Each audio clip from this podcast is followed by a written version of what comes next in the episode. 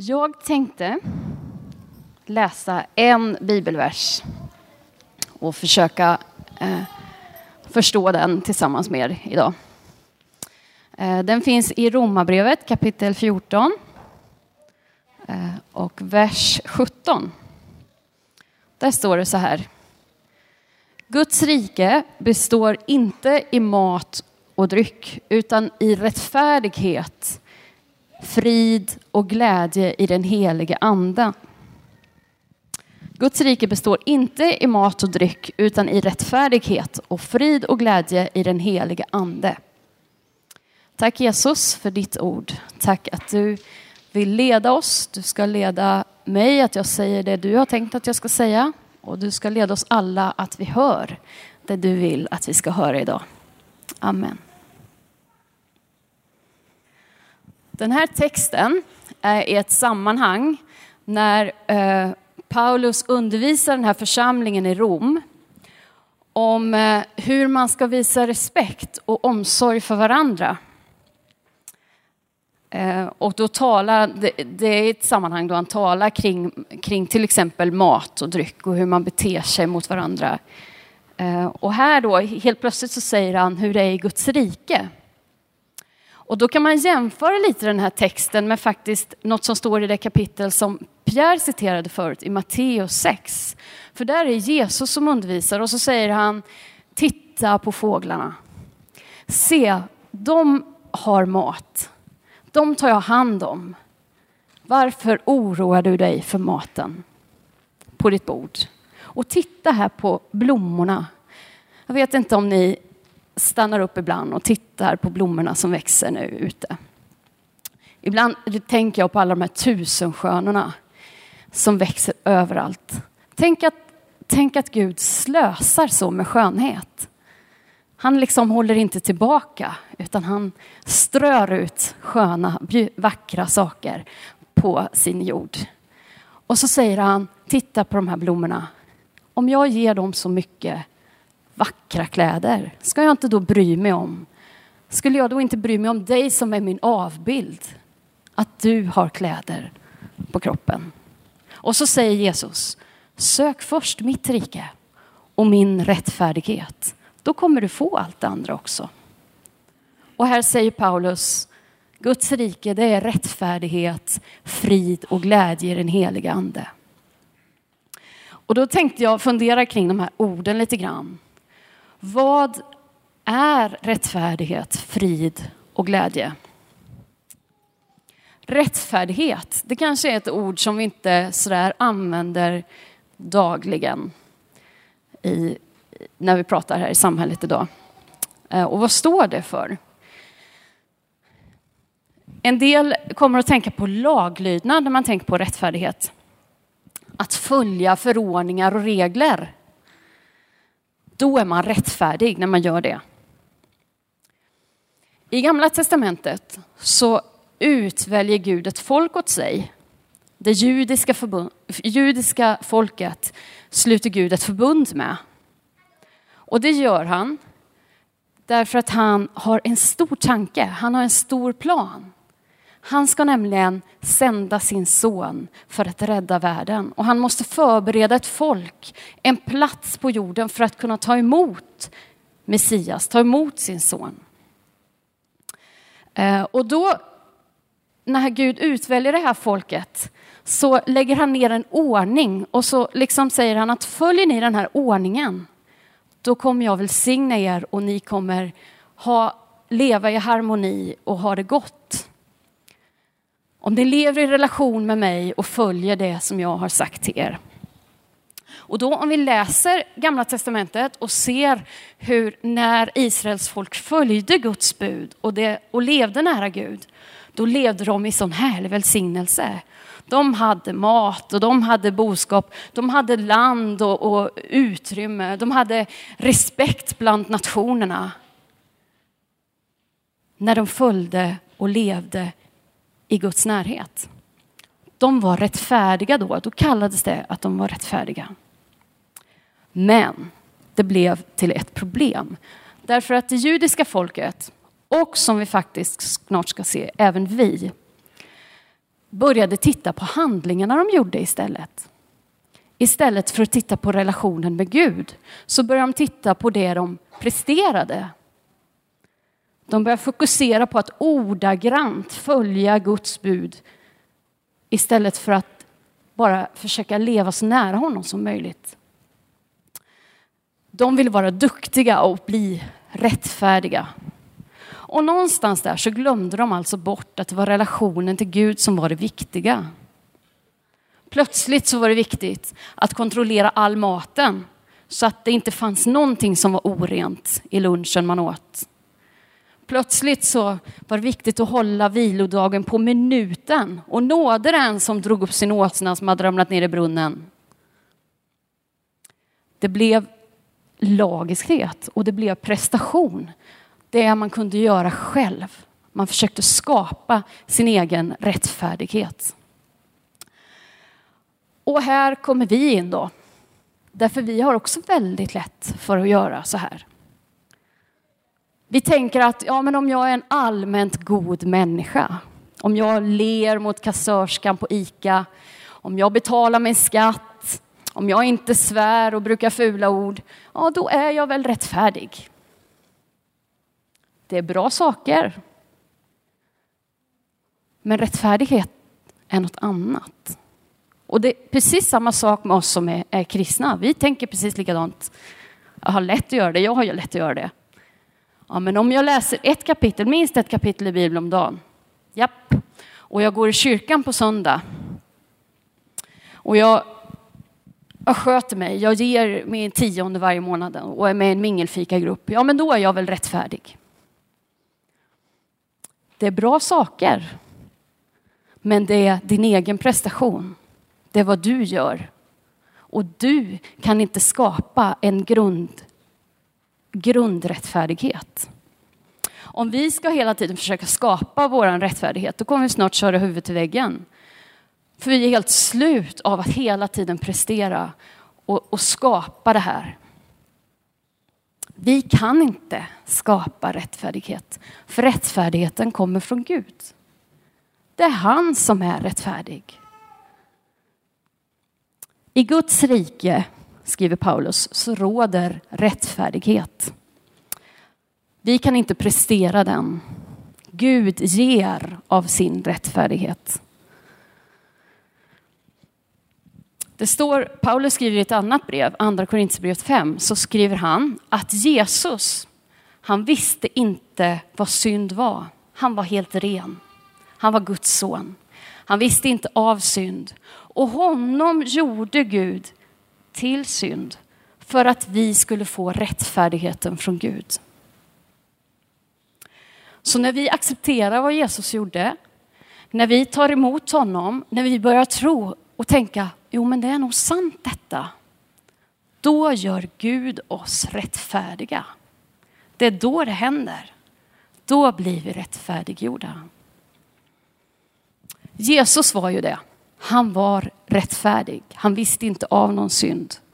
Så när vi lever med Jesus, då säger Bibeln, då, då har Bibeln ett uttryck, Paulus särskilt har ett uttryck, han säger att vi är i Kristus. När vi tar emot Jesus, då är vi i Kristus. Och då är det så att när Gud ser på oss, Gud som är rättfärdig, när han ser på oss, då ser han Jesus. Och då säger han, mm, kom till mig, du är rättfärdig. Och det är märkligt, va? För, till, för när han ser på mig och jag vet hur jag är. Jag tänker ibland, hoppas Gud tittade bort nu när jag handlade så mot den personen. När jag hade en sån attityd. När jag tänkte de tankarna, hoppas inte Gud kollade in i mitt huvud då. När jag sa de sakerna. Men Gud han ser på mig och han vet att när jag har överlåtit mig till Jesus, då ser Gud på mig och så säger han, du är rättfärdig. För han ser på mig, han ser på dig genom Jesus. Det är Gud som ger oss rättfärdighet genom Jesus. Så vi skulle kunna säga att det finns två sorters rättfärdighet. Och den ena är egentligen ingen rättfärdighet. Den här som vi försöker prestera själva. När vi gör saker som är goda och rättfärdiga enligt oss själva. Men ingen människa kan rädda sig själv. Jag har, en del av er vet att jag har rest ganska mycket och sett ganska många hur olika människor runt om i världen försöker bli rättfärdiggjorda. Eh, jag bor, när jag bor i Indien så bor jag granne med ett stort hinduiskt tempel. Och där på morgnarna så brukar alltid affärsmännen och, och, de som ska åka och jobba, de brukar komma dit på morgnarna för att göra sina offer på morgonen. För att behaga gudarna så att gudarna hjälper dem under dagen. Och när man ser hur de här eh, välutbildade, finklädda, eh, etablerade personerna, vad de gör i templet för att gudarna ska, ska liksom ge dem, göra dem rena och hjälpa dem. Då blir man helt, jag kan bli både ledsen och lite full i skratt och förvånad. Alltså, de kan göra sådana konstiga saker. Det finns en pelare i det här templet. Och eh, nu ringer en telefon. Ja, hallå. Det finns en pelare i det här templet. Och när det jag har sett den här mannen, han kommer dit alltid samma tid. Och så går han runt den här pelaren inte en gång. Han går runt, han har fin kostym, han är riktigt tjusig. Han går runt, runt och så ser han ut som han ber. Och han går runt säkert 50 gånger runt den här pelaren. Jag ser en annan kvinna komma in med tjusiga sidenkläder. Och hon står framför avgudaaltaret. Och nu vet jag inte om man kan göra en mikrofon i handen. Men hon gör så här.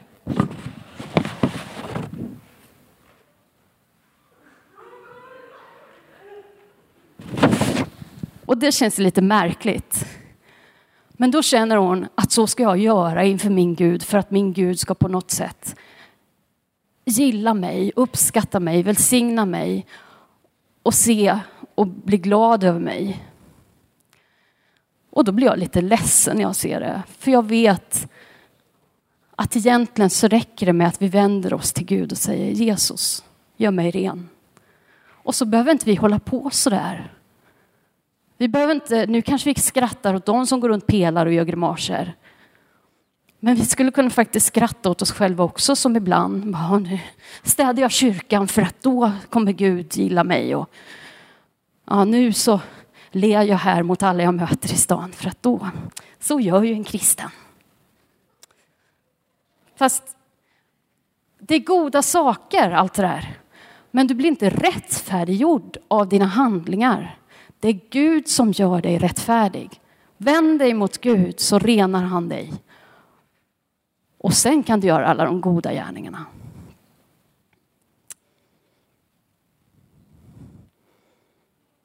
Och det är det som är så skönt. För när vi vänder oss till Gud, då blir vi verkligen rättfärdiggjorda eftersom det är han som är rättfärdig.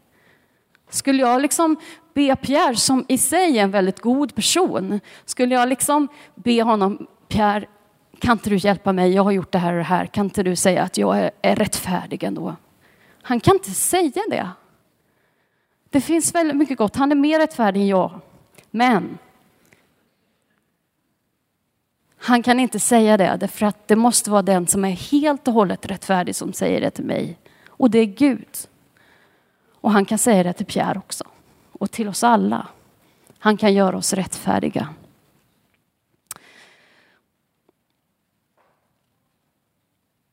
När detta är sagt så måste jag också säga att hur vi lever är ju inte oviktigt. Det finns ju någon form av rättskaffenhet, ett beteende som, som är gott. Det har inte upphävts att vi ska göra rätt. Men Däremot, nu har vi ju en bottenplatta. Nu har vi ju Guds rättfärdighet att stå på. När vi gör det rätta, utifrån den rättfärdigheten som han ger, så kan vi växa i tålamod och självbehärskning och vänlighet. Utifrån den så kan vi utveckla en god livs, livsstil, att hjälpa andra, att vara till för andra. Därför att vi har rättfärdigheten från Gud. Vi behöver inte prestera det i vår egen kraft. Vi tar kraften från Gud och gör goda gärningar. Jesus sa, Saliga är de som hungrar och törstar efter rättfärdighet. De skall bli mättade. Guds rike består av rättfärdighet. Frid. Guds rike är rättfärdighet, frid och glädje i den heliga ande. Frid då? I Israel så hälsar man på varandra, shalom säger man. Eh, det är deras hälsningsfras. Eh, och den är långt mycket vackrare egentligen än vårat hej eller hejsan. För den har en mening, det betyder frid, det betyder glädje, eh, det betyder frid, det betyder fred att hälsa på varandra så. Och så gör man i Mellanöstern. Så gör man i alla de olika länderna i Mellanöstern. Salam. Man önskar varandra fred. Inom parentes, kan jag få säga det? Att vi ska önska den regionen på jorden fred. Um, när vi ser på nyheterna, när vi läser våra tidningar. Det är så mycket av ondska som händer i de länderna just nu. Jag tänker på Syrien. Vi har vänner från Syrien mitt ibland oss. Vad som händer med barnen. Vi har välsignat barn här idag. Men vad som händer med barnen i Syrien, jag kan inte ens tänka det. Vi ska be om fred över platserna där. Det är vårt uppdrag som troende. När du ser på nyheterna, vänd dig till Gud och säg Gud, kom med fred. Jesus, fridens första, rid in i Syrien, i Damaskus och kom med din fred. Shalom i Bibeln, frid i Bibeln, handlar om... Eh, det är inte bara en sån allmän skön känsla av nu har jag lite harmoni i mitt liv, nu känner jag mig lugn. Utan det är ett stort Guds frid. Guds rikes frid är mer än bara känslor. Det är en, en grundtrygghet, en grundfrid när det är strul i våra relationer. När det är smärta och grubbel och vånda i vårt inre. När det är kaos på börserna och i eurozonen och i världens länder. Då vill Gud, Herren, han vill skänka oss en frid i botten av oss själva, i grunden på oss själva. Jag brukar tänka på flera olika berättelser som, om Jesus när han är på Genesarets sjö. När jag tänker på frid. Han eh, hade ju eh, lärjungar som var fiskare och som var vana vid att vara ute på sjön. Och vid ett tillfälle, som det står om i Lukas 8, så eh, ger de sig ut på sjön eh, och Jesus är så trött så han lägger sig och sover. Och under tiden då så börjar det blåsa och storma så mycket så att till och med de här fiskargubbarna som faktiskt lärjungarna var, de blir rädda. De känner vi går under.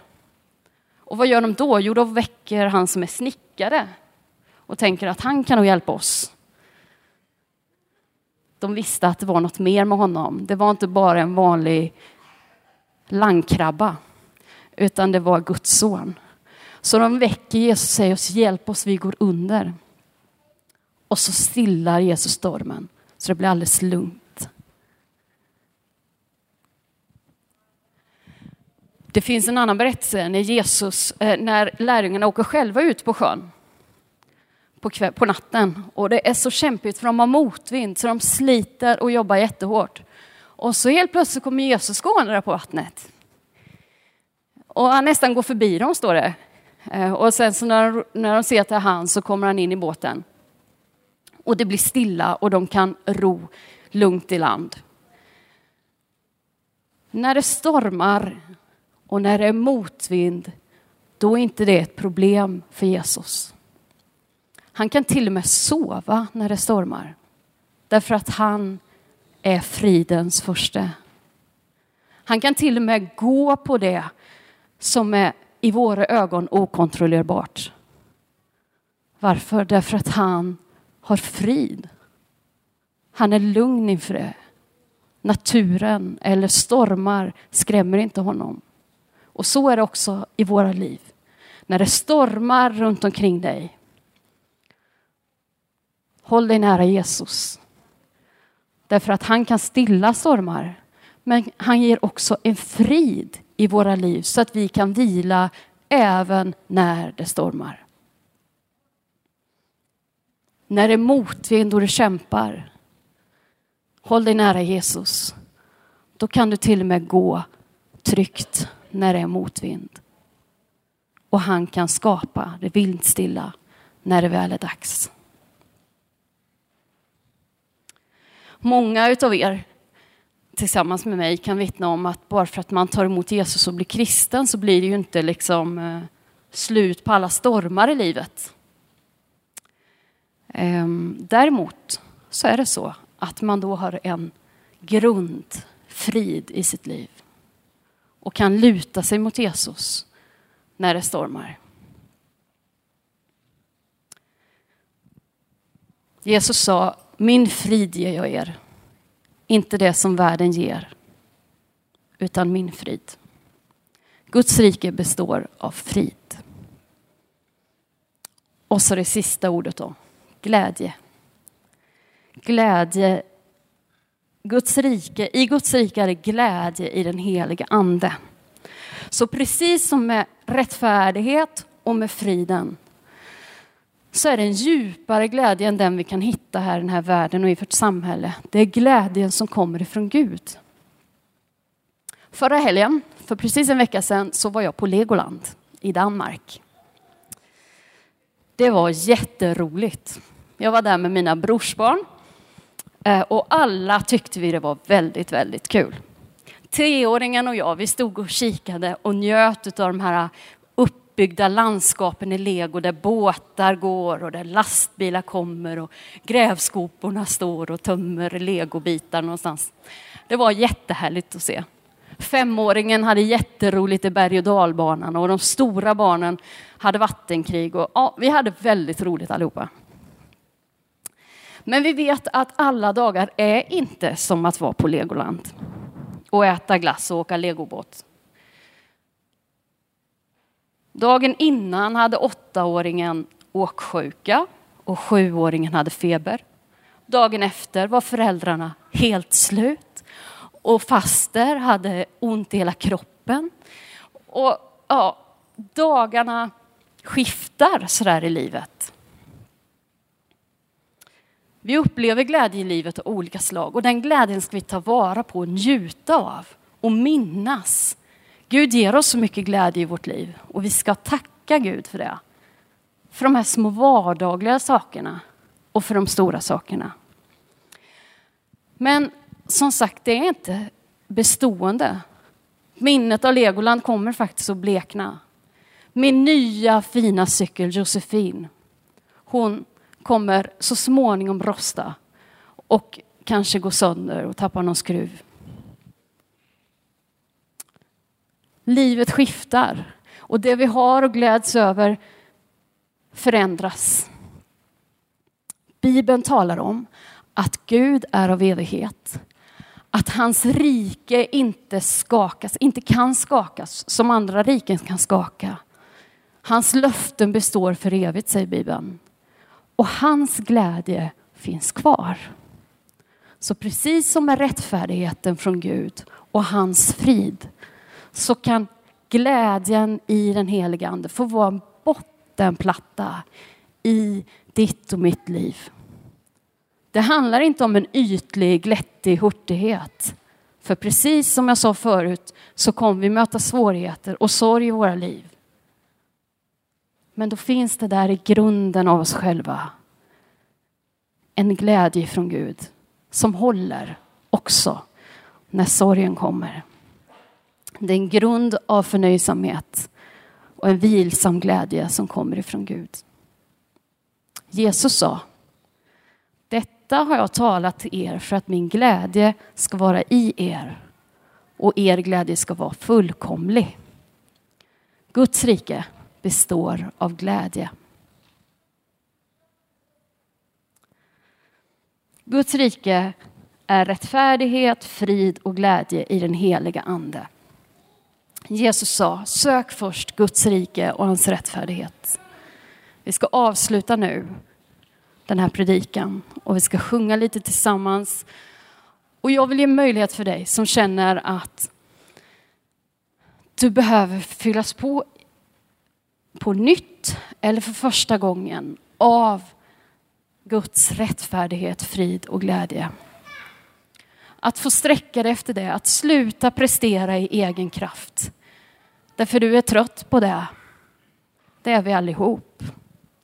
Vi behöver inte göra det. Gud vill skänka sin rättfärdighet till dig. Du är trött på stormarna i ditt liv.